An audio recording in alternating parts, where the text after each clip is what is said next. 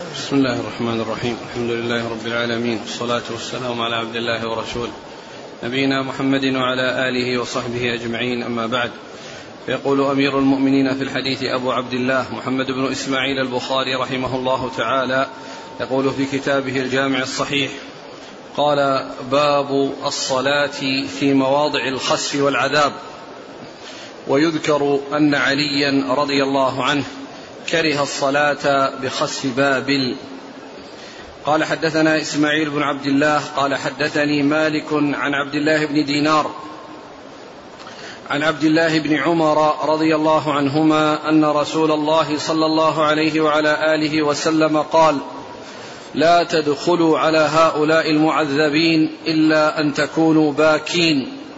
فإن لم تكونوا باكين فلا تدخلوا عليهم لا يصيبكم ما أصابهم. بسم الله الرحمن الرحيم. الحمد لله رب العالمين. وصلى الله وسلم وبارك على عبده ورسوله نبينا محمد وعلى آله وأصحابه أجمعين. أما بعد يقول الإمام البخاري رحمه الله باب الصلاة في مواضع الخسف والعذاب. أي حكم ذلك؟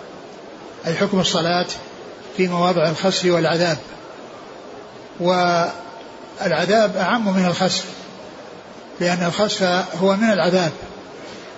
فعطف العذاب على الخسف من عطف العام على الخاص لأن الخسف هو من جملة العذاب.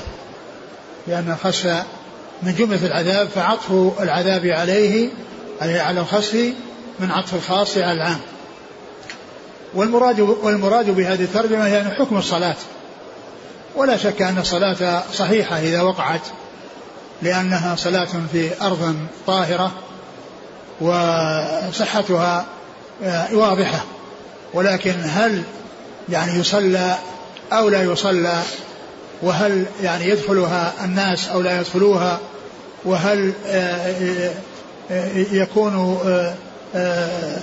الذهاب إليها والبقاء فيها أو المكث فيها أو الذهاب إليها فيه يعني يعني لا لا يكون معه خوف ولا يكون معه خجل ولا يكون معه استحياء من الله عز وجل وتذكر وتأمل يعني ما حصل لهؤلاء المعذبين.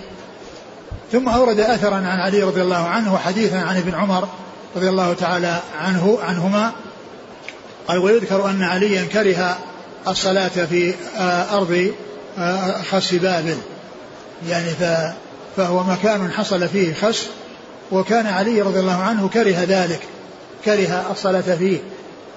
وذلك أن المكث فيها والصلاة فيها والبقاء فيه إذا إذا لم يحصل هناك تفكر وتأمل وخوف من الله عز وجل فإنه يخشى أن يصيب الإنسان مثل ما أصابهم لأن الذي أصابهم بسبب إعراضهم وغفلتهم وإذا حصل من الإنسان بأن رأى مصارع المعذبين ورأى الخس ورأى ديار المعذبين ولم يكن في قلبه شيء من التأمل والتفكر والخوف ومن الله عز وجل يدل ذلك على غفلة وعلى قساوة في القلب.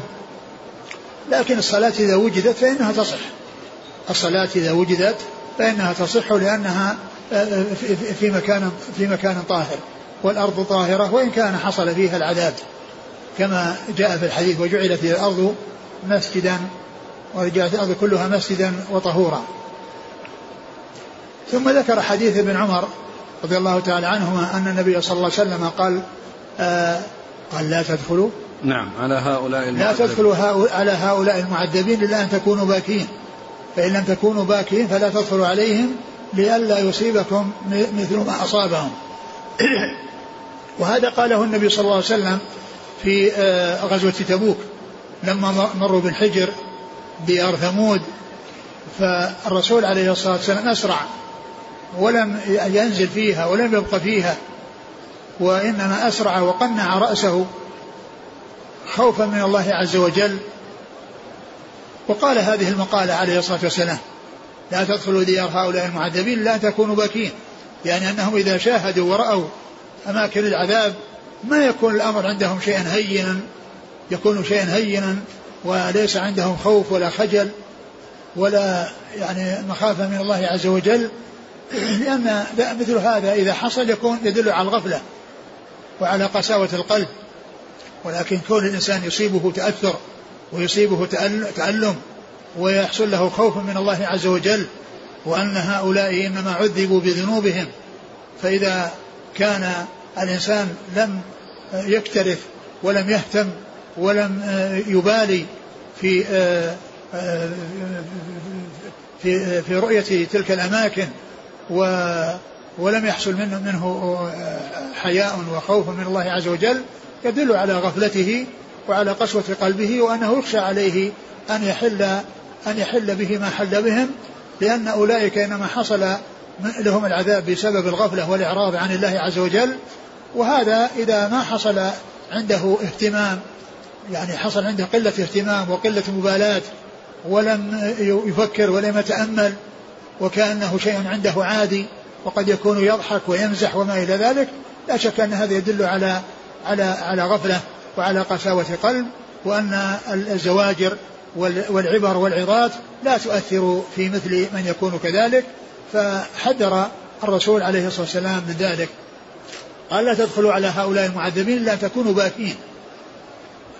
والمقصود والمقصود بقوله باكين يعني متأمرين متأثرين التأثر الذي ينتج عنه البكاء والخوف من الله عز وجل.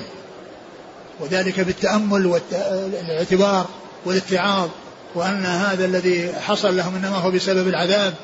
فيؤثر ذلك أن يحزن وأن يحصل له خشية وأن يحصل له بكاء. والبكاء كما هو معلوم ليس هو المقصود لأن البكاء ليس بيد الإنسان. ولكن الذي بيد الإنسان كونه يتفكر ويتأمل ويحذر ويخاف ويعتبر ويتعظ أما كونه يبكي قد يبكي وقد لا يبكي. ولكن المقصود من قوله باكين يعني أنهم معتبرين متعظين الذي ينتج عنه البكاء ويترتب عليه البكاء إذا حصل بكاء. وإلا فقد يحصل دون أن يحصل بكاء. والمهم هو الاعتبار والاتعاظ والخوف من الله عز وجل وأن الإنسان يعتبر ويتعظ بمثل هذه بمثل هذا الذي حصل لهؤلاء القوم نعم قال حدثنا إسماعيل بن عبد الله نعم. عن مالك نعم. عن عبد الله بن دينار نعم. عن عبد الله بن عمر نعم. إذا قصد زيارة ديار ثمود ما كان ينبغي الإنسان أن يقصدها أن يقصدها وأن يعني لأن الرسول صلى الله عليه وسلم لما مر بها ما دخلها ولا بل بل بل هو على بعيره وأسرع وتقنع عليه الصلاة والسلام. فيعني هذا يدل على أن, أن, أن الرسول صلى الله عليه وسلم ما ما رغب بهذا ولكنهم عندما مروا بها أرشدهم إلى أن يكون عندهم خوف وأن يكون عندهم آه، حياء من الله عز وجل. وأن يكون عندهم اعتبار واتعاظ والذهاب لمثل ذلك والغالب أن بعض الناس لا يهتم ولا يبالي فإن هذا قد يكون سببا في حصول العذاب له. فالأولى للإنسان أن لا يذهب إلى تلك الأماكن التي هي ديار ثمود لا يذهب إليها لأن الرسول صلى الله عليه وسلم ما ذهب إليها ولكنه مر لما مر مع أرضها أسرع. أسرع حتى تجاوز تلك الأرض. صلوات الله وسلامه وبركاته عليه. هل مثل هذا زيارة آثار الفراعنة والرومان؟ كذلك يعني اللي حصل فيه عذاب الذي في الذين حصل لهم عذاب يعني وحصل يعني لهم يعني هذا من جنس هذا. قال رحمه الله تعالى باب الصلاة في البيعة في البيعة. قال وقال عمر رضي الله عنه إنا إنا لا ندخل كنائسكم إنا لا ندخل كنائسكم من أجل التماثيل التي فيها الصور. وكان ابن عباس يصلي في البيعة إلا بيعة فيها تماثيل. قال حدثنا محمد قال أخبرنا عبده عن هشام بن عروة عن أبيه عن عائشة رضي الله عنها أن أم سلمة رضي الله عنها ذكرت لرسول الله صلى الله عليه وسلم كنيسة رأتها بأرض الحبشة يقال لها مارية فذكرت له ما رأت فيها من الصور فقال رسول الله صلى الله عليه وعلى آله وسلم أولئك قوم إذا مات فيهم العبد الصالح أو الرجل الصالح بنوا على قبره مسجدا وصوروا فيه تلك الصور. أولئك شرار الخلق عند الله. ثم ذكر بعد هذا فقال رحمه الله هذا الباب وقال باب البيعة. باب الصلاة. باب الصلاة في, في البيعة. نعم. والبيعة جمعها بيع وهي معبد النصارى أو كنائس النصارى. هذه هي البيع. والصوامع هي يعني محل معابد ال معابد الرهبان. يعني الراهب منهم يتخذ له صومعة يختص بها. والكنيسة هي التي يقصدونها ويأمونها كما يأم المسلمون المساجد. فهذه عامة وهذا خاص. الصوامع خاصة والبيع عامة وهي الكنائس كنائس النصارى ومعابد النصارى. والصلاة في البيعة إذا حصلت صحيحة يعني لأنها أرض يعني طاهرة ويصلي الإنسان في كل مكان طاهر ما لم تعلم نجاسته نجاسة البقعة. لكن كما قلت في الدرس السابق ما ينبغي يعني دخول آه، تلك البيع لأنه قد يحصل بذلك آه، آه، تهاون من المسلمين فيما يتعلق بأمر دينهم وأنهم قد يجاملون النصارى في الذهاب إلى إلى إلى بيعهم والصلاة في في بيعهم. فعدم الذهاب إليها للصلاة فيها آه هذا هو ال- الذي ينبغي. لكن إن وجدت الصلاة فإن الصلاة صحيحة. فإن الصلاة صحيحة لأنها صلاة في مكان طاهر لكن كون الإنسان يقصدها ليصلي فيها لا, لا, لا ينبغي الإنسان أما أن يذهب إليها لينظر هيئتها وشكلها وماذا يفعله النصارى فيها فهذا لا بأس به. وهذا هو الذي حصل من أم سلمة ومن أم آه، حبيبة آه، حيث دخلت الكنيسة في, في, في أرض الحبشة وأخبرت رسول, رسول الله صلى الله عليه وسلم بما فيها من التماثيل والصور وقال النبي صلى الله عليه وسلم في ذلك ما قال حيث قال في هذا الحديث أولئك إذا مات فيهم الرجل الصالح أو العبد الصالح بنوا على قبره مسجدا وصوروا فيه تلك الصور. وصوروا فيه تلك الصور أولئك شرار الخلق عند الله أولئك شرار الخلق عند الله. فالحديث فيه ذكر دخول أم سلمة في هذا الحديث تلك الكنيسة وإخبارها للرسول عليه الصلاة والسلام بالذي شاهدته فيها ولم ينكر عليها ذلك رسول الله صلى الله عليه وسلم. وما ترجم له المصنف هو بالصلاة والصلاة إذا إذا وجدت صحيحة. ولا بأس بها. ولو أن المسلمين يعني أخذوا من كنائس النصارى وغيروها وجعلوها مساجد وصلوا فيها لا بأس بذلك. لا بأس لا بأس بذلك. أما أن تقصد ويصلى فيها وأن يكون الأمر يعني فيه تهاون وتساهل من المسلمين بأن يذوبوا مع الكفار وأن يعني يعتبروا أنها أن أن أن أن وأنهم يصلون في معابدهم. و فإن هذا لا يليق ولا ولا يصلح من المسلم أن أن يفعل شيئا من ذلك. وقد يكون في في في هذا إذا إذا إذا حصلت المجاملة للنصارى أن في ذلك يعني آه، آه، قد قد قد يفهم من ذلك أن أن ما هم عليه حق. النصارى ولا شك أن النصارى على باطل وأنهم كفار وأنهم ليس ليس أمامهم إلا النار. إذا لم يؤمنوا ويدخلوا في هذا الدين الحنيف الذي جاء به محمد صلى الله عليه وسلم. ولهذا جاء في صحيح مسلم عن النبي صلى الله عليه وسلم أنه قال والذي نفسي بيده لا يسمع بي أحد من هذه الأمة يهودي ولا نصراني ثم لا يؤمن بالذي جئت به إلا كان من أصحاب النار. والذي لا نفسي بيده لا يسمع بأحد من هذه الأمة يهودي ولا نصراني ثم لا يؤمن به إلا, إلا, كان من أصحاب النار. والمقصود بالأمة هنا أمة الدعوة. لأن أمة الرسول صلى الله عليه وسلم أمتان أمة دعوة وأمة إجابة. وأمة الدعوة هم كل إنسي وجن من حين بعثته صلى الله عليه وسلم إلى قيام الساعة. ويدخل في ذلك اليهود والنصارى وغيرهم. كل إنسي وجن من حين بعثة الرسول صلى الله عليه وسلم وهو مطالب بالدخول في دينه وإلا ليس أمامه إلا النار. ولا ينفعه أن يقول أنه على دين موسى أو على دين عيسى لأنه بعد بعد بعثة محمد صلى الله عليه وسلم نسخت بشريعته الشرائع ولم يبقى حق يتعبد الله به إلا ما جاء به محمد عليه الصلاة والسلام.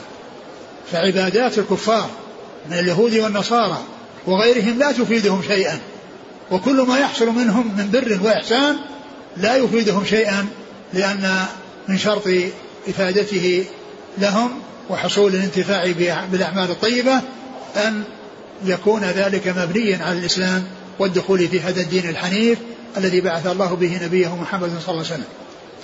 فمن حين بعثته ليس ليس هناك دين سواه وليس هناك دين حق سواه وكل دين من الأديان الأخرى وكل عبادات ليست مبنية على هذه الشريعة المحمدية فإنها باطلة ولا عبرة بها ولا يستفيد منها صاحبها شيئا لأن من شرط آه، من شرط الاستفادة بالأعمال الصالحة أن تكون مبنية على الإيمان بالله وبمحمد رسول الله صلوات الله وسلامه وبركاته عليه.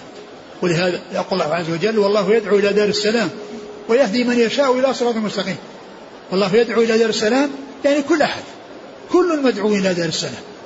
ولكن الهداية لمن وفقه الله عز وجل. ولهذا قال ويهدي من يشاء. ليست الدعوة لأحد دون أحد ولكن الهداية ليست لكل أحد. وإنما هي لمن, لمن يظفر بتوفيق الله عز وجل ولمن يسعد بالدخول في هذا الدين الحنيف الذي بعث الله به رسوله الكريم محمد صلوات الله وسلامه وبركاته عليه. وقد يكون تهاون المسلمين مع النصارى ومع الكفار يعني فيه شيء وإيحاء لهم بأن ما هم عليه حق وأن وأن كل يعبد الله على دينه والحق الذي لا شك فيه أنه لا يتعبد الله بعد بعثة رسول الله صلى الله عليه وسلم إلا بما جاء به رسول الله صلى الله عليه وسلم وكل دين سوى هذا الدين فإن البقاء عليه لا يفيد صاحبه شيئا ولا يستفيد منه صاحبه شيئا بل ليس أمامه إلا النار لأنه كافر. ومن شرط الإيمان بأي رسول أن يؤمن بجميع الرسل.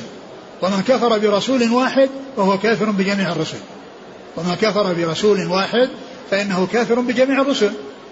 ولهذا قال الله عز وجل كذبت قوم نوح المرسلين مع أن مع أن نوح هو أول رسول إلى أهل الأرض بعد حدوث الشرك. ولكن المقصود من ذلك أن من كفر بنبي فهو كافر بالرسل ولهذا قال كذبت قوم نوح المرسلين. لأن من كذب رسولا فهو مكذب للرسل. ومن قال إن محمد صلى الله عليه وسلم آه، رسول ولكنه رسول إلى العرب وليس إلى غيرهم فهو كافر.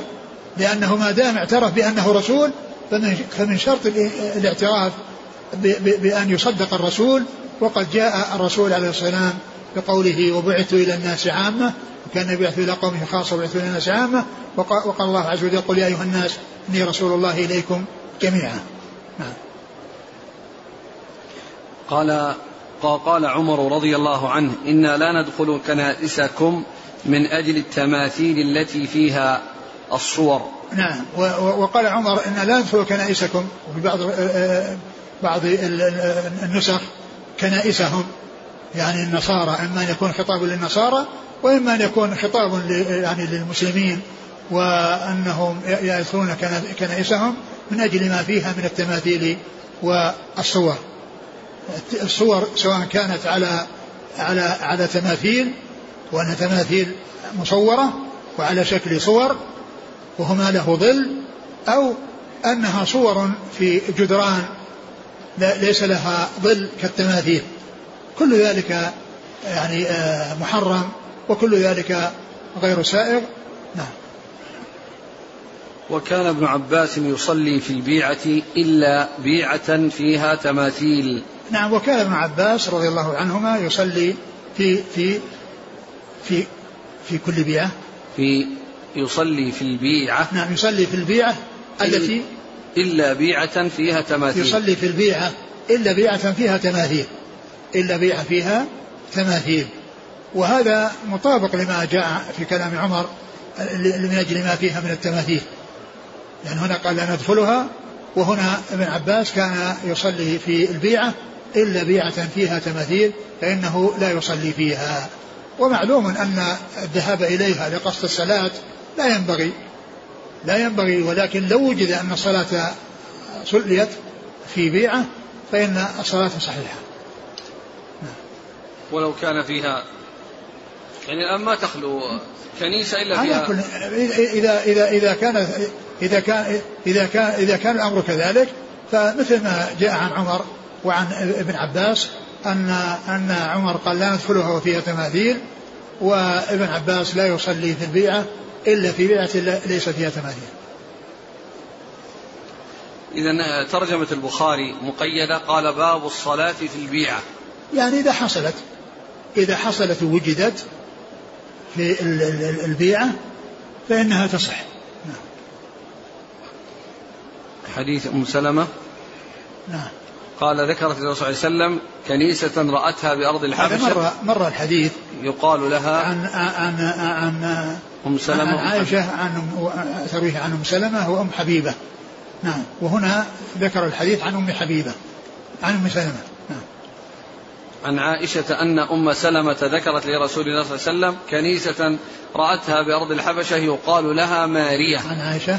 نعم. نعم عن عائشة. هناك عن عائشة وعن أم حبيبة عن عائشة وأم سلمة وأم حبيبة وهنا يعني في, في, في الرواية عن أم أم سلمة. وفيه تسمية الكنيسة التي في الحبشة وأنه يقال لها ماريا. نعم. فذكرت له ما رأت فيها من الصور فقال صلى الله عليه وسلم أولئك قوم إذا مات فيهم العبد الصالح أو الرجل الصالح بنوا على قبره مسجدا. يعني بنوا على قبره مسجدا يعني آآ آآ انهم يعظمون يعظمون الانبياء ويعظمون الصالحين وذلك التعظيم الذي هو غير سائغ وذلك بأن يبنوا مساجد ويعني ويغلون في في هؤلاء المقبورين من الأنبياء والصالحين وكل هذا حرام وغير سائغ وقد جاءت الأحاديث الكثيرة عن رسول الله صلى الله عليه وسلم في بيان تحريمه. وإنما قال هذا رسول الله صلى الله عليه وسلم من أجل التحذير. هذه الأمة تفعل مثل ما فعلوا. كما جاء في حديث جند بن عبد الله حيث قال وقد سمع النبي صلى الله عليه وسلم قبل أن يموت بخمس ومما قاله في ذلك اليوم الذي هو قبل وفاته بخمس ليال ألا وإنما كان قبلكم؟ كانوا يتخذون قبور أنبيائهم وصالحيهم مساجد. ألا فلا تتخذوا قبور مساجد؟ فإني أنهاكم عن ذلك. لكن يعني هم كانوا يبنون عليه البيع. نعم. ومع ذلك سماها مسجد. نعم هي مساجد. لأن مساجد المقصود بها محلات الصلاة. أماكن الصلاة أماكن العبادة. يعني يتخذونها مساجد يعني التي هي محل العبادة. والمساجد هي أماكن السجود. أماكن السجود يعني كل أماكن السجود قال لها مساجد. ف يعني لكنه عندهم يعني الذي يبنونه هو بيع. وأما المسلمون فإنها مساجد. اسمها عند المسلمين مساجد. وأما عند النصارى بيع.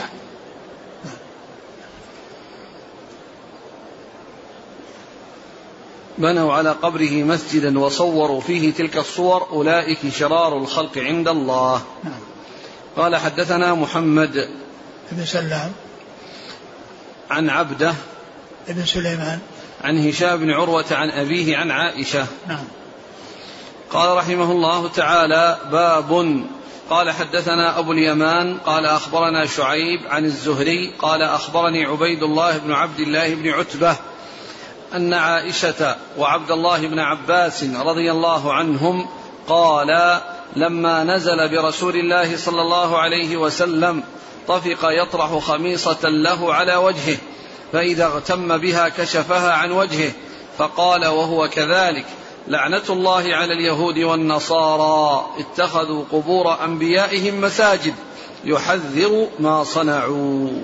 ثم ذكر باب بدون ترجمة وهو كالفصل من الترجمة السابقة كالفصل من الترجمة السابقة وفيه هذا الحديث الذي هو مثل الحديث الذي قبله الذي ذكره في الترجمة. الحديث الذي ذكره في الترجمة. و آه، عليه الصلاة والسلام حذر من هذا العمل في آخر لحظاته عليه الصلاة والسلام لأن لأن التحذير من اتخاذ القبور مساجد لما تؤدي إليه من الغلو فيها وعبادة المقبورين فيها كان هذا من أواخر ما تكلم به صلى الله عليه وسلم. وكل ذلك يدل على كمال نصحه صلى الله عليه وسلم لأمته وشفاع وكمال نصحه وكمال فصاحته وبلاغته وبيانه عليه الصلاة والسلام. فإنه حدث بهذه الأحاديث في آخر حياته بل وفي آخر لحظاته. لأنه في هذا الحديث يقول لما نزل برسول الله صلى الله عليه وسلم يعني نزل الموت. يعني روحه تنزع. فكان يتكلم بهذا الحديث في هذه الحال. لما نزل برسول الله يعني الموت. طفق يطرح خميصة له على وجهه. خميصة كساء له أعلام. فيغطي وجهه فإذا حصل انكتام النفس والغم بسبب هذا الغطاء أزاحه. فيضعه ويرفعه يضعه على وجهه ويزيله. طفق يعني صار وجعل يطرح خميصة له على وجهه فإذا اغتم بها كشفها قال وهو كذلك يعني هو على هذه الحال. لعنة الله على اليهود والنصارى اتخذوا قبور أنبيائهم مساجد يحذر ما صنعوا. لعنة الله على اليهود والنصارى اتخذوا قبور أنبيائهم مساجد قال هذا في آخر لحظاته. وقد ذكر الراوي في آخر الحديث السبب الذي جعل النبي صلى الله عليه وسلم يقول هذا الكلام في هذا الوقت. قال يحذر ما صنعوا. يعني يحذر هذه الأمة أن تصنع مثل ما صنعوا. ومما يعني يبين هذا التحذير هذا التحذير ما جاء في حديث جندب الذي رواه مسلم في صحيحه والذي أشرت إليه آنفا وهو قوله صلى الله عليه وسلم قبل أن يموت بخمس سمعه جندب قبل وفاته صلى الله عليه وسلم بخمس ليال. يقول في فضل أبي بكر ما قال ثم قال ألا وإنما كان قبلكم كانوا يتخذون قبور أنبيائهم وصالحيهم مساجد. ثم قال ألا فلا تتخذوا قبور مساجد إني أنهاكم عن ذلك. ف فالنهي حصل من ثلاثة من ثلاثة من ثلاثة من ثلاثة أمور. الأمر الأول ذكر الأمم السابقة وأن هذا عملهم وذلك على سبيل الذم لهم ثم بعد ذلك النهي بلا الناهية بقوله ألا فلا تتخذوا قبور مساجد ألا فلا وأتى بألا التي يعني التي تدل على الاهتمام يعني بالكلام الذي بعدها يعني ثم ثم أكد ذلك بقوله إني أنهاكم عن ذلك. لم يكتفي بلا الناهية بقوله لا لا تتخذوا قبور مساجد بل أتى بجملة خبرية مؤكدة للجملة الطلبية وهي قوله إني أنهاكم عن ذلك. فإذا حصل تحذير من فعلهم بثلاثة أمور من ذكر أن هذا فعل الأمم السابقة وأن الأمة هذه الأمة لا تشبه بهم والثاني النهي الذي هو بلا الناهية والثالث النهي بالخبر الذي هو مؤكد للنهي عن طريق الطلب. نعم. وقوله حذر ما صنعوا هذا من كلام بعض الرواة. يعني يبين أن أنه قال ذلك من أجل التحذير. كونه قال في هذا الوقت أن لا يحصل من هذه الأمة مثل ما حصل للأمم السابقة. وهو يدل دلالة واضحة على أن هذا حكم محكم لا يقبل النسخ. لا يقبل النسخ لأن الرسول قاله مات ما عاش حتى ينسى. وكونه صلى الله عليه وسلم حذر من ذلك في آخر لحظاته وروحه تنزع يعني معناه صار من الأحكام المحكمة الواضحة الجلية لأن الشيء إذا كان متقدما قد يحصل له نازع. لكن إذا كان في آخر اللحظات وآخر الأيام هذا لا يقبل النسخ بحال من الأحوال.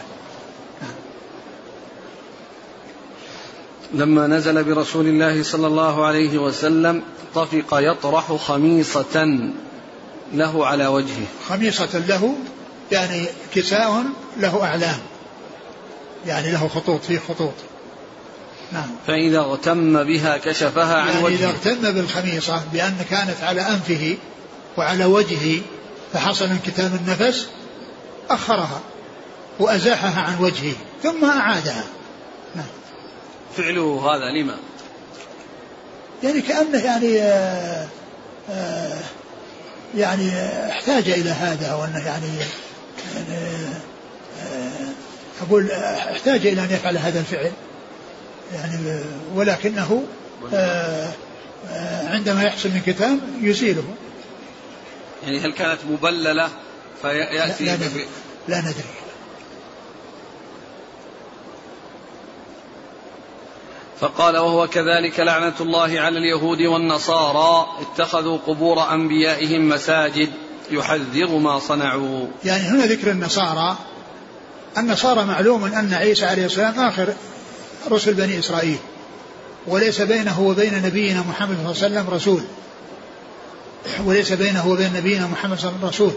وعيسى عليه السلام رفع إلى السماء وليس له قبر ليس له قبر. ليس له قبر وإنما هو في السماء. فيعني فذكر يعني النصارى مع اليهود واليهود يعني كان فيهم أنبياء والنصارى يعني نبيهم آخر رسول أو رسولهم آخر رسول قبل نبينا محمد صلى الله عليه وسلم وليس بينه وبينه رسول. فقيل يعني في في في معنى, في معنى ذلك ان أن فيهم يعني أنبياء يعني الذين هم يعني على طريقة الرسل يعني مثل العلماء في هذه الأمة. العلماء في هذه الأمة على طريقة الرسول صلى الله عليه وسلم والأنبياء في بني إسرائيل على طريقة الرسل بمعنى أن الرسل ينزل عليهم كتب والأنبياء يحكمون بالكتاب الذي أنزل على الرسول كما قال الله عز وجل في في في في, في سورة المائدة إن أنزلنا التوراة فيها هدى ونور يحكم بها النبيون الذين أسلموا. يعني بعد من بعد من بعد موسى الأنبياء من بني إسرائيل يحكمون بالتوراة. يعني معناه أمروا أو كلفوا بأن يحكموا بشريعة سابقة. فإذا يعني فيه يعني من يكون على طريقة عيسى يعني من من من من, من الحواريين الذين هم على على طريقة عيسى. أو أن المقصود من ذلك يعني ما يشمل الأنبياء ويشمل الصالحين. كما جاء في حديث جندب الذي أشرت إليه. ألا وإن كان كانت قبور أنبيائهم وصالحيهم. ولهذا جاء في الحديث السابق لما ذكر النصارى قال إذا مات فيهم الرجل الصالح العبد الصالح أو الرجل الصالح. يعني أن هذا ليس خاصا بالأنبياء وإنما يعني نصيبهم النصارى أكثر ما يكون عندهم. يعني هم, هم من قبيل من يكونوا صالحين. وإلا فإن نبيهم عليه السلام رفع إلى السماء وليس له قبر في الأرض. وليس المقبور وإنما هو حي في السماء وينزل في آخر الزمان وإنما المقصود من ذلك يعني من يكون على منهجه وعلى طريقة من الحواريين من الحواريين أو يكون المقصود من ذلك كما جاء في الحديث الرجل الصالح أو العبد الصالح أو صالحيهم أنبيائهم وصالحيهم نعم. قال حدثنا أبو اليمان الحكم بن نافع عن شعيب بن أبي حمزة. عن الزهري نعم. عن عبيد الله بن عبد الله بن عتبة نعم. عن عائشة وعبد الله بن عباس. نعم.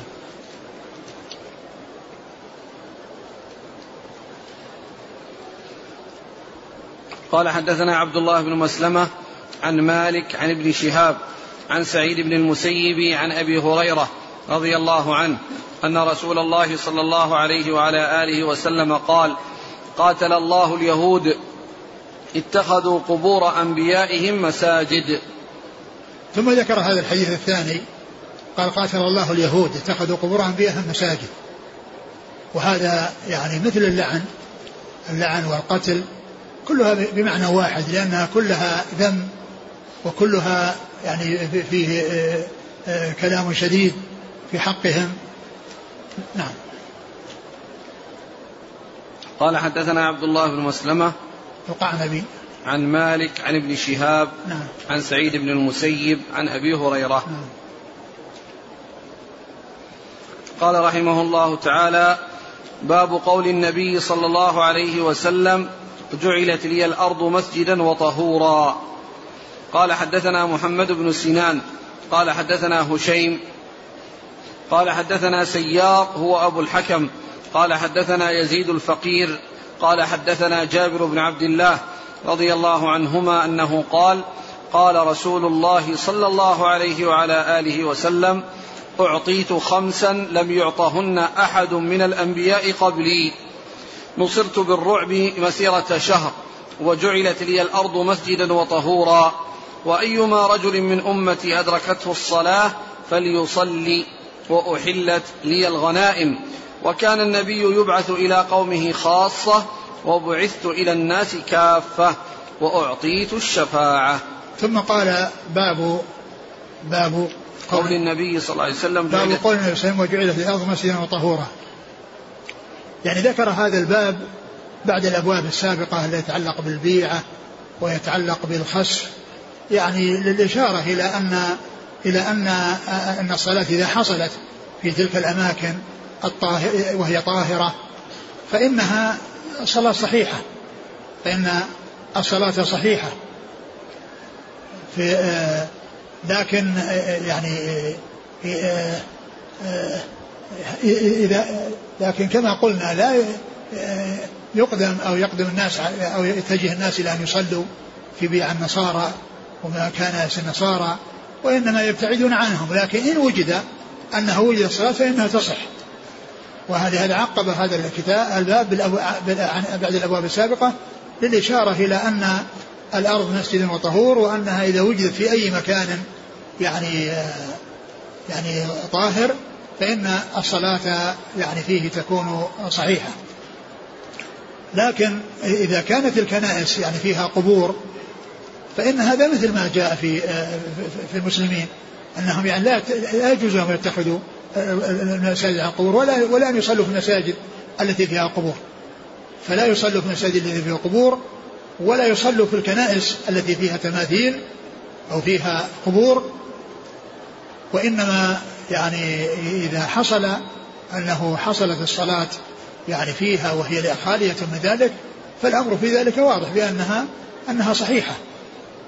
وأما إذا كان الإنسان آه، آه، آه، يعني قصدها يعني لفضيلتها أو زعم أن صلاتها فيها فضل وأن القبر البيت القبر الذي فيه المسجد الذي فيه قبر أنه أفضل من غيره فهذا يعني فهذا لا تصح صلاته. لا تصح صلاته لهذا القصد السيء. لا تصح صلاته لهذا القصد السيء. لكن لو حصل أن الإنسان صلى اتفاقا وهو ما درى أن أمامه قبر أو عنده قبر فإن ذلك لا يؤثر عليه مثل ما مر بنا في حديث الذي فيه قول عمر لأنس القبر القبر ثم إنه تنحى وكمل صلاته تنحى وكمل صلاته. أما أن يتعمد أو يذهب إلى الأماكن التي فيها مساجد ويقول أن الصلاة فيها أفضل وأنه يميزها ويقدمها على المساجد التي ليس فيها قبور فهذا يعني صلاته لا تصح. يقول ما في مسجد إلا هذا. يعمل على إيجاد إيجاد مسجد غير هذا.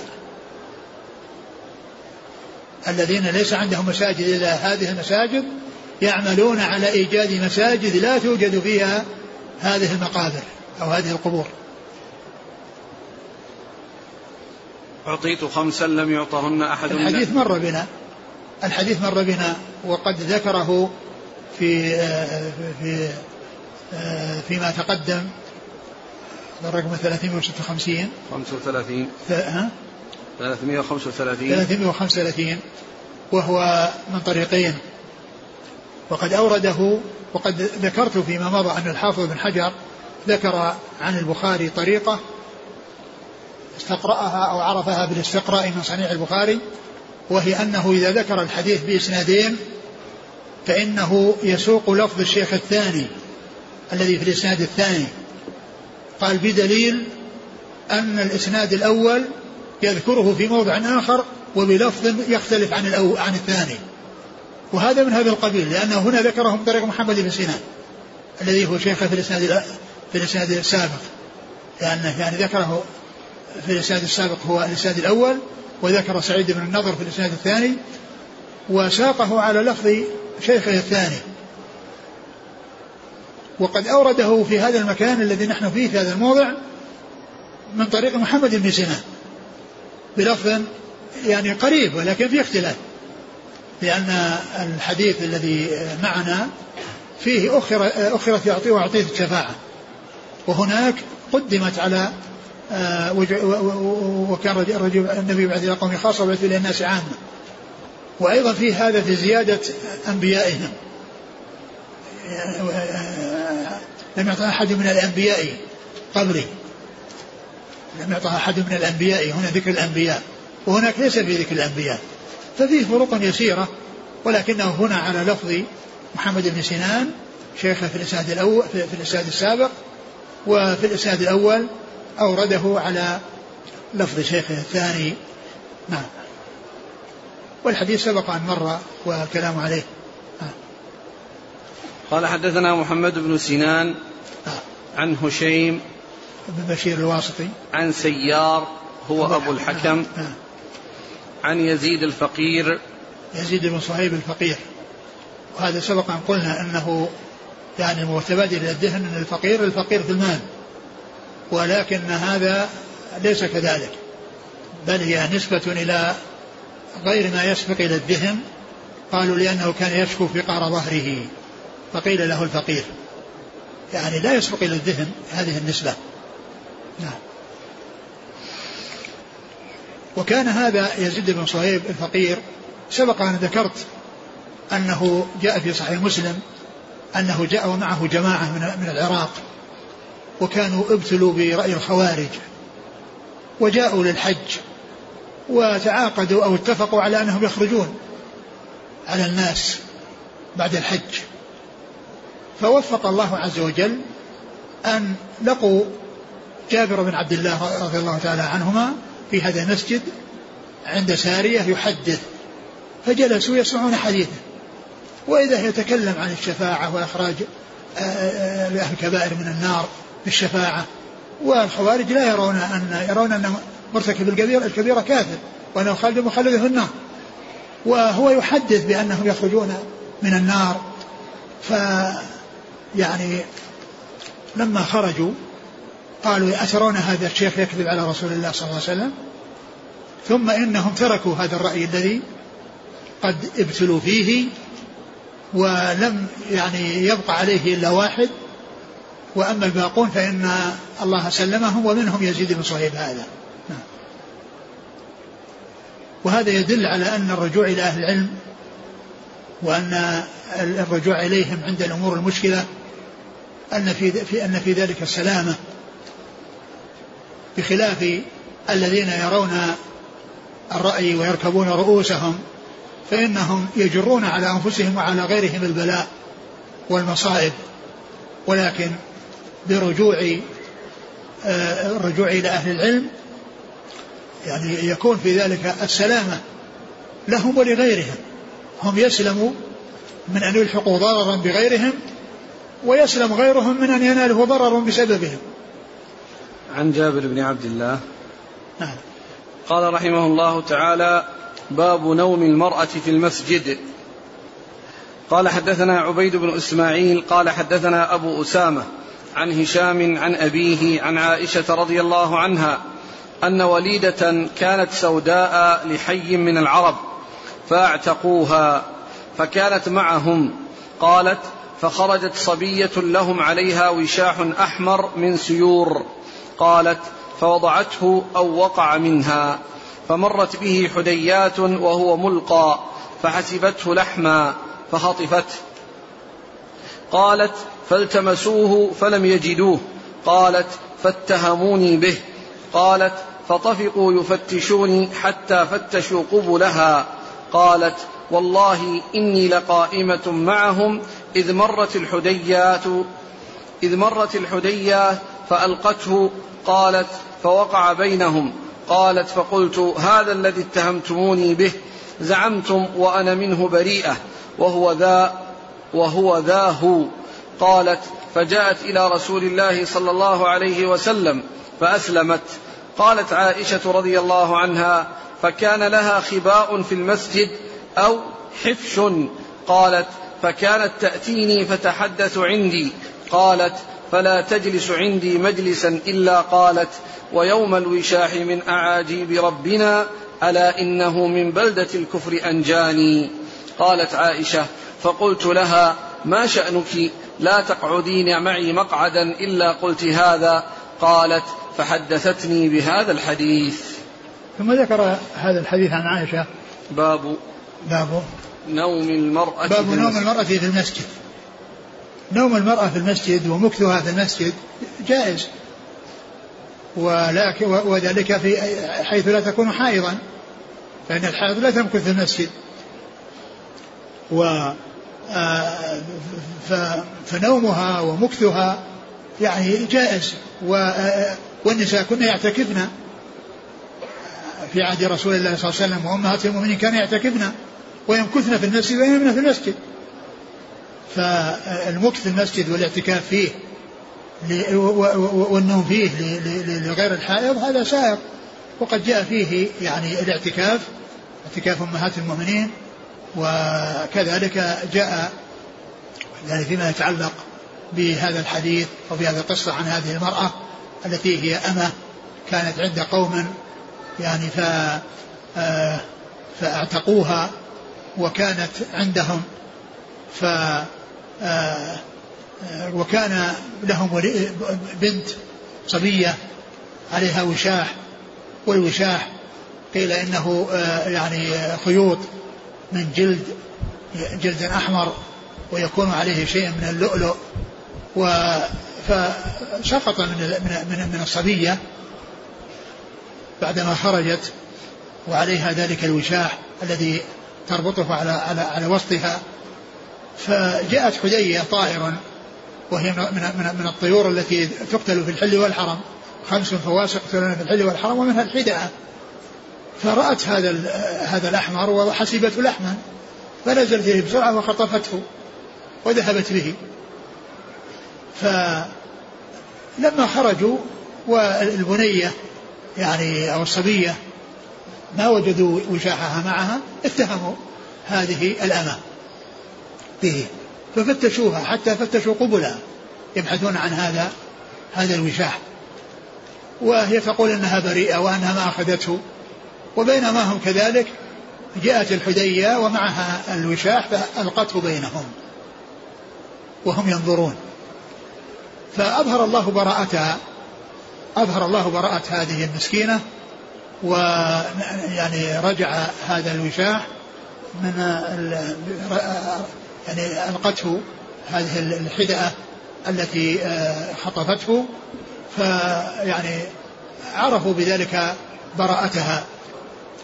ثم إنها جاءت إلى المدينة وجاءت إلى النبي صلى الله عليه وسلم وأسلمت وكانت يعني لها مكان في المسجد يعني تأوي إليه وتبيت فيه. ف وهذا هو محل الشاهد. وكانت تتردد على عائشة وتتمثل بهذا البيت. ويوم الوشاح من أعاجيب ربنا ألا إنه من بلدة الكفر نجاني. ألا إنه من بلدة الكفر نجاني. يعني كان سببا في إسلامها يعني كان يعني سببا في براءتها وأيضا كان سببا في إسلامها. فكانت تردد هذا البيت كلما جاءت إليها تتمثل بهذا البيت. فقالت ما شأنك؟ فقصت لها القصة وحكت لها الحكاية التي جعلتها تتمثل بهذا البيت. والحاصل أن ما ترجم به المصنف فيما يتعلق بالمسجد هو نوم المرأة في المسجد ومكثها في المسجد لكن حيث لا تكون حائضا. نعم. قال حدثنا عبيد بن إسماعيل نعم. عن أبي أسامة حماد بن أسامة. عن هشام عن أبيه عن عائشة. نعم. قال رحمه الله تعالى باب نوم الرجال في المسجد. وقال أبو قلابة عن أنس رضي الله عنه قدم رهط من عكل على النبي صلى الله عليه وسلم فكانوا في الصفة. وقال عبد الرحمن بن أبي بكر كان أصحاب الصفة الفقراء. ثم ذكر باب نوم الرجال في المسجد. باب نوم الرجال في المسجد وأورد فيه الأحاديث المتعلقة بأهل الصفة. وأهل الصفة أناس فقراء يأتون يعني إلى المدينة مهاجرين وليس عندهم مال وليس عندهم مأوى وإنما وضع لهم مكان مظلل في آخر المسجد في مسجد الرسول صلى الله عليه وسلم يقال له الصفة. فكان هو مأواهم. ويأتيهم أو تأتيهم الصدقات ويأتيهم الطعام ويأتيهم الإحسان من الناس وهم في ذلك المكان. وهم في ذلك المكان وهم ينامون في المسجد. لأن هذا مسكنهم وهذا محل إقامتهم. فكانوا ينامون في المسجد. وهذا هو الذي آه، أراده المصنف من الاستدلال على نوم الرجال المسجد. ومعلوم أن هذا إنما يكون للحاجة. لا يتخذ مسكنا مع قدرة الإنسان على أن يسكن في غيره. يعني يكون الإنسان يعني يترك البيت يأتي ينام في المسجد وهو قادر على أن ينام في البيت. ما ينبغي هذا. لكن الذي ليس عنده قدرة كأهل الصفة وهذا مسكنهم وهذا مأواهم فإنهم يبيتون. وكذلك أيضا المعتكفين الذين يعتكفون ينامون في المسجد لاعتكافهم. فإذا المبيت في المسجد والنوم فيه سائق سواء كان بالليل أو بالنهار. قال إيش؟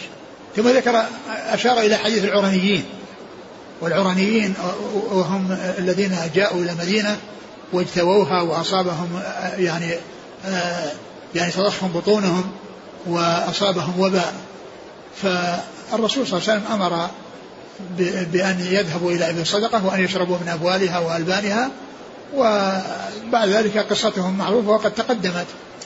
ومحل الشاهد من ذلك أنهم كانوا ينامون في المسجد. لأن ما فيه ما فيه يعني أماكن لهم ينامون بها خارج المسجد. الثاني. قال قدم رهط من عكل عن النبي صلى الله عليه وسلم فكانوا في الصفة. وقال عبد الرحمن بن أبي بكر وكانوا في الصفة يعني هذا المكان الذي فيه الفقراء. نعم وقال عبد الرحمن بن أبي بكر كان أصحاب الصفة الفقراء. وقال عبد الرحمن بن أبي بكر كان أصحاب الصفة الفقراء يعني الذي ألجأهم ودفعهم إلى أن يأتوا إلى هذا المكان هو فقرهم. ولو كان عندهم غنى وعندهم قدرة ما احتاجوا إلى أن يأتوا للمسجد. قال حدثنا مسدد قال حدثنا يحيى عن عبيد الله قال حدثني نافع قال أخبرني عبد الله أنه كان ينام وهو شاب أعزب لا أهل له في مسجد النبي صلى الله عليه وسلم. ثم ذكر هذا يعني هذا عن عن عبد الله بن عمر رضي الله عنه كان شابا أعزب يعني ليس ليس متزوج ليس عنده زوجة فكان ينام في مسجده صلى الله عليه وسلم. كان ينام في مسجده صلى الله عليه وسلم فهو دال على ما ترجم له المصنف من نوم المحتاج إلى المسجد في المسجد. المحتاج إلى النوم في المسجد ينام في المسجد. نعم. قال حدثنا مسدد عن يحيى القطان عن عبيد الله عبيد الله العمري. عن نافع. آه. عبيد الله العمري. عن نافع عن ابن عمر. آه. قال حدثنا قتيبة بن سعيد قال حدثنا عبد العزيز بن أبي حازم عن أبي حازم عن سهل بن سعد رضي الله عنهما أنه قال جاء رسول الله صلى الله عليه وسلم بيت فاطمة رضي الله عنها فلم يجد عليا رضي الله عنه في البيت فقال أين ابن عمك؟ قالت كان بيني وبينه شيء فغاضبني فخرج فلم يقل فلم يقل عندي. فقال رسول الله صلى الله عليه وسلم لإنسان انظر أين هو فجاء فقال يا رسول الله هو في المسجد راقد. فجاء رسول الله صلى الله عليه وسلم وهو مضطجع. قد سقط رداؤه عن شقه وأصابه تراب. فجعل رسول الله صلى الله عليه وسلم يمسحه عنه ويقول قم أبا تراب قم أبا تراب. ثم ذكر هذا الحديث أن ثم ذكر البخاري رحمه الله أورد البخاري رحمه الله حديث سهل بن سعد الساعدي رضي الله تعالى عنه. وذلك أن أن النبي صلى الله عليه وسلم ذهب إلى بيت فاطمة فلم يجد عليا عندها. فقال أين ابن عمك؟ قالت إنه كان بينها وبينه شيء فغضبها وخرج. فقال النبي صلى الله عليه وسلم لإنسان أو طلب من إنسان يبحث عنه. فذهب وجده نائما في المسجد. وجده نائما في المسجد فجاء وأخبره. فذهب رسول الله صلى الله عليه وسلم إليه وإذا هو قد يعني سقط رداءه وصار جسده على الأرض ولصق به التراب فكان النبي صلى الله عليه وسلم يداعبه ويقول قم أبا تراب قم أبا تراب. محل الشاهد من إراده كون علي نام في المسجد وهو يدل على أن من كان له مسكن واحتاج في بعض الأحيان إلى أن ينام في المسجد مثلا في الضحى فإنه أن ذلك لا بأس به. وإن كان يعني من غير اعتكاف لأن علي رضي الله عنه كان له مسكن وكان آه، صار بينه وبين آه، زوجه شيء فخرج وذهب إلى المسجد ونام به. فدل هذا على النوم في المسجد وأن وحتى لو كان للإنسان يعني مسكن يسكن فيه إذا كان في في أحوال خاصة وأمور طارئة يعني كهذه الحالة التي حصلت لعلي من حصول شيء بينه وبين زوجه فاطمة رضي الله تعالى عنها رضي الله عن الجميع. فدل ذلك على جواز ما ترجمه ما ترجمه المصنف من النوم في المسجد وكذلك التكنية يعني بتكنية من له كنية لأنه أبو الحسن كنيته أبو الحسن وكني بهذه الكنية الثانية يعني بسبب التراب الذي كان لصق بجسده وهو نائم في المسجد فكان يداعبه النبي صلى الله عليه وسلم ويقول قم أبا تراب قم أبا قم أبا تراب نعم قال حدثنا قتيبة بن سعيد عن عبد العزيز بن أبي حازم عن أبيه عن أبي حازم نعم. سلمة بن دينار نعم. عن سهل بن سعد نعم. قال حدثنا وقد قيل أن الإنسان هو سعد بن سعد بن سعد يعني وهذا مما يكون فيه يعني آه، آه، ذكر الرجل يعني إذا كان هو صاحب القصة وصاحب الشأن لا يسمي نفسه يقول قام رجل أو فعل رجل وهذا متكرر في الأحاديث وهذا متكرر في الأحاديث. كون الإنسان يعني يذكر عن نفسه شيء ولكن لا يقول يسمي نفسه يقول فعل رجل أو جاء رجل وهو يعني نفسه. قال حدثنا يوسف بن عيسى قال حدثنا ابن فضيل عن أبيه عن أبي حازم عن أبي هريرة رضي الله عنه أنه قال رأيت سبعين من أصحاب الصفة ما منهم رجل عليه رداء إما إزار وإما كساء قد ربطوا في أعناقهم من قد ربطوا في أعناقهم فمنها ما يبلغ نصف الساق فمنها ما يبلغ نصف الساقين ومنها ما يبلغ الكعبين فيجمعه بيده كراهية أن ترى عورته. ثم ذكر يعني هذا الحديث عن أهل الصفة وأنهم يعني سبعون وأنهم, وأنهم سبعون. يعني ليس عندهم لباس وليس عندهم ألبسة متعددة وإنما يكون واحد عنده إزار وهو ما يغطي نصفه الأسفل ويكون أو يكون له كساء يعني وهو الثوب الذي يلتف به ويلتحف به. ويكون صغيرا يعني ليس كبيرا ف ف يعني يمسكه بيده حتى لا تنكشف تنكشف عورته يعني لصغر حجمه لأنهم ليس عندهم ألبسة رضي الله تعالى عنهم وأرضاهم. فهذا شأنهم وشأن هذا ما حصل لهم من القلة. وبعد ذلك وسع الله عليهم بأن فتحت الفتوحات وكثرة الخيرات وكان رسول الله صلى الله عليه وسلم يقسم ما يأتيه من الفيء على أهل الصفة وعلى غيرهم وكذلك الخلفاء الراشدون كانوا يقسمون الفيء على من يستحقه من المسلمين نعم. قال أبو هريرة رأيت سبعين من أصحاب أصحاب الصفة وهو من أصحاب وهو من أصحاب الصفة رضي الله عنه هو نفسه نعم. ما منهم رجل إلا عليه رداء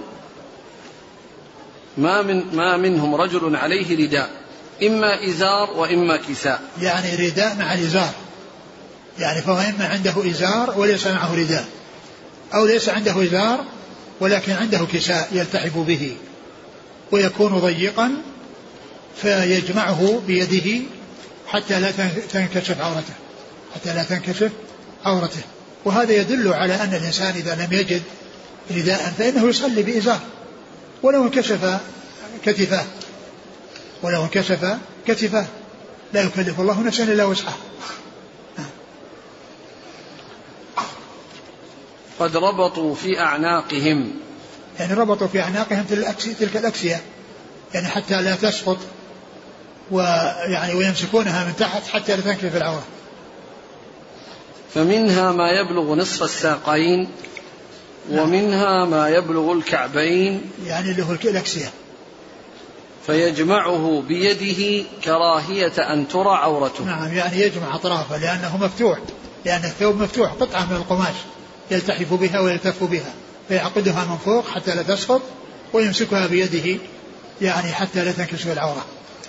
لأنه آه، ثوب مفتوح قطعة من القماش. ليس مخيطا قال حدثنا يوسف بن عيسى عن ابن فضيل محمد بن فضيل بن غزوان. عن أبيه نعم. عن أبي حازم نعم. سلمان الأشجعي نعم. عن أبي هريرة. نعم. الباب. نعم. والله تعالى أعلم وصلى الله وسلم وبارك على عبده ورسوله نبينا محمد وعلى آله وأصحابه أجمعين. جزاكم الله خيرا وبارك الله فيكم ألهمكم الله الصواب ووفقكم للحق. ونفعنا الله ما سمعنا غفر الله لنا ولكم وللمسلمين أجمعين. آمين. يقول كثير من الكنائس عندنا حولت إلى مساجد وبعض العوام يتحاشى الصلاة فيها. فهل ورعه هذا في محله في محله؟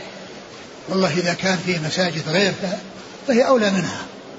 إذا كان في مساجد غيرها فهي أولى منها لكن إذا احتاج المسلمون إليها وليس عندهم مساجد وليس عندهم قدرة على مساجد وإنما اشتروها وأزالوا معالمها التي هي معالم النصارى وكل شيء فيه علامة للنصارى يزيلونه ويصلون به لا بأس بذلك. ما حكم الذهاب إلى البحر الميت في الأردن من أجل الاستشفاء؟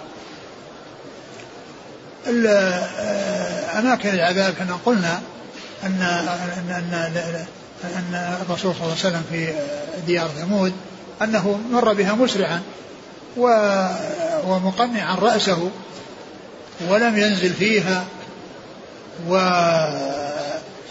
وهو يدل على أن تلك الأماكن لا لا لا, لا, لا تقصد والإنسان يبحث له عن شفاء في غير أماكن العذاب. يقول فضيلة الشيخ حفظك الله أسكن في فرنسا وأسأل عن حكم إهداء مصحف مترجم أو غير مترجم للنصارى أو اليهود لأجل دعوتهم إلى الإسلام. لا بأس بذلك لكن لا ينبغي أن يكون المصحف موجود في, في, في, في الترجمة. لأنه يعني لأن إذا كان المصحف موجود يعني كأنك أعطيته نسخة من المصحف. لأنه لأن تكون المصحف في, في, في إطار في داخل الكتاب والحواشي هي ترجمة فتكون أعطيتهم نسخة من المصحف. والنصارى لا يعطون مصاحف والكفار لا يعطون مصاحف ولكن الترجمة نعم لا بأس بها بل المطلوب بل هم مقصودون بالترجمة. هم الذين يقصدون بالترجمة حتى يقفوا على معاني القرآن ويعني يقفون على ما فيه من أسرار. وما فيه من جمال وما فيه من حكم وأحكام ويكون ذلك سببا في إسلامهم.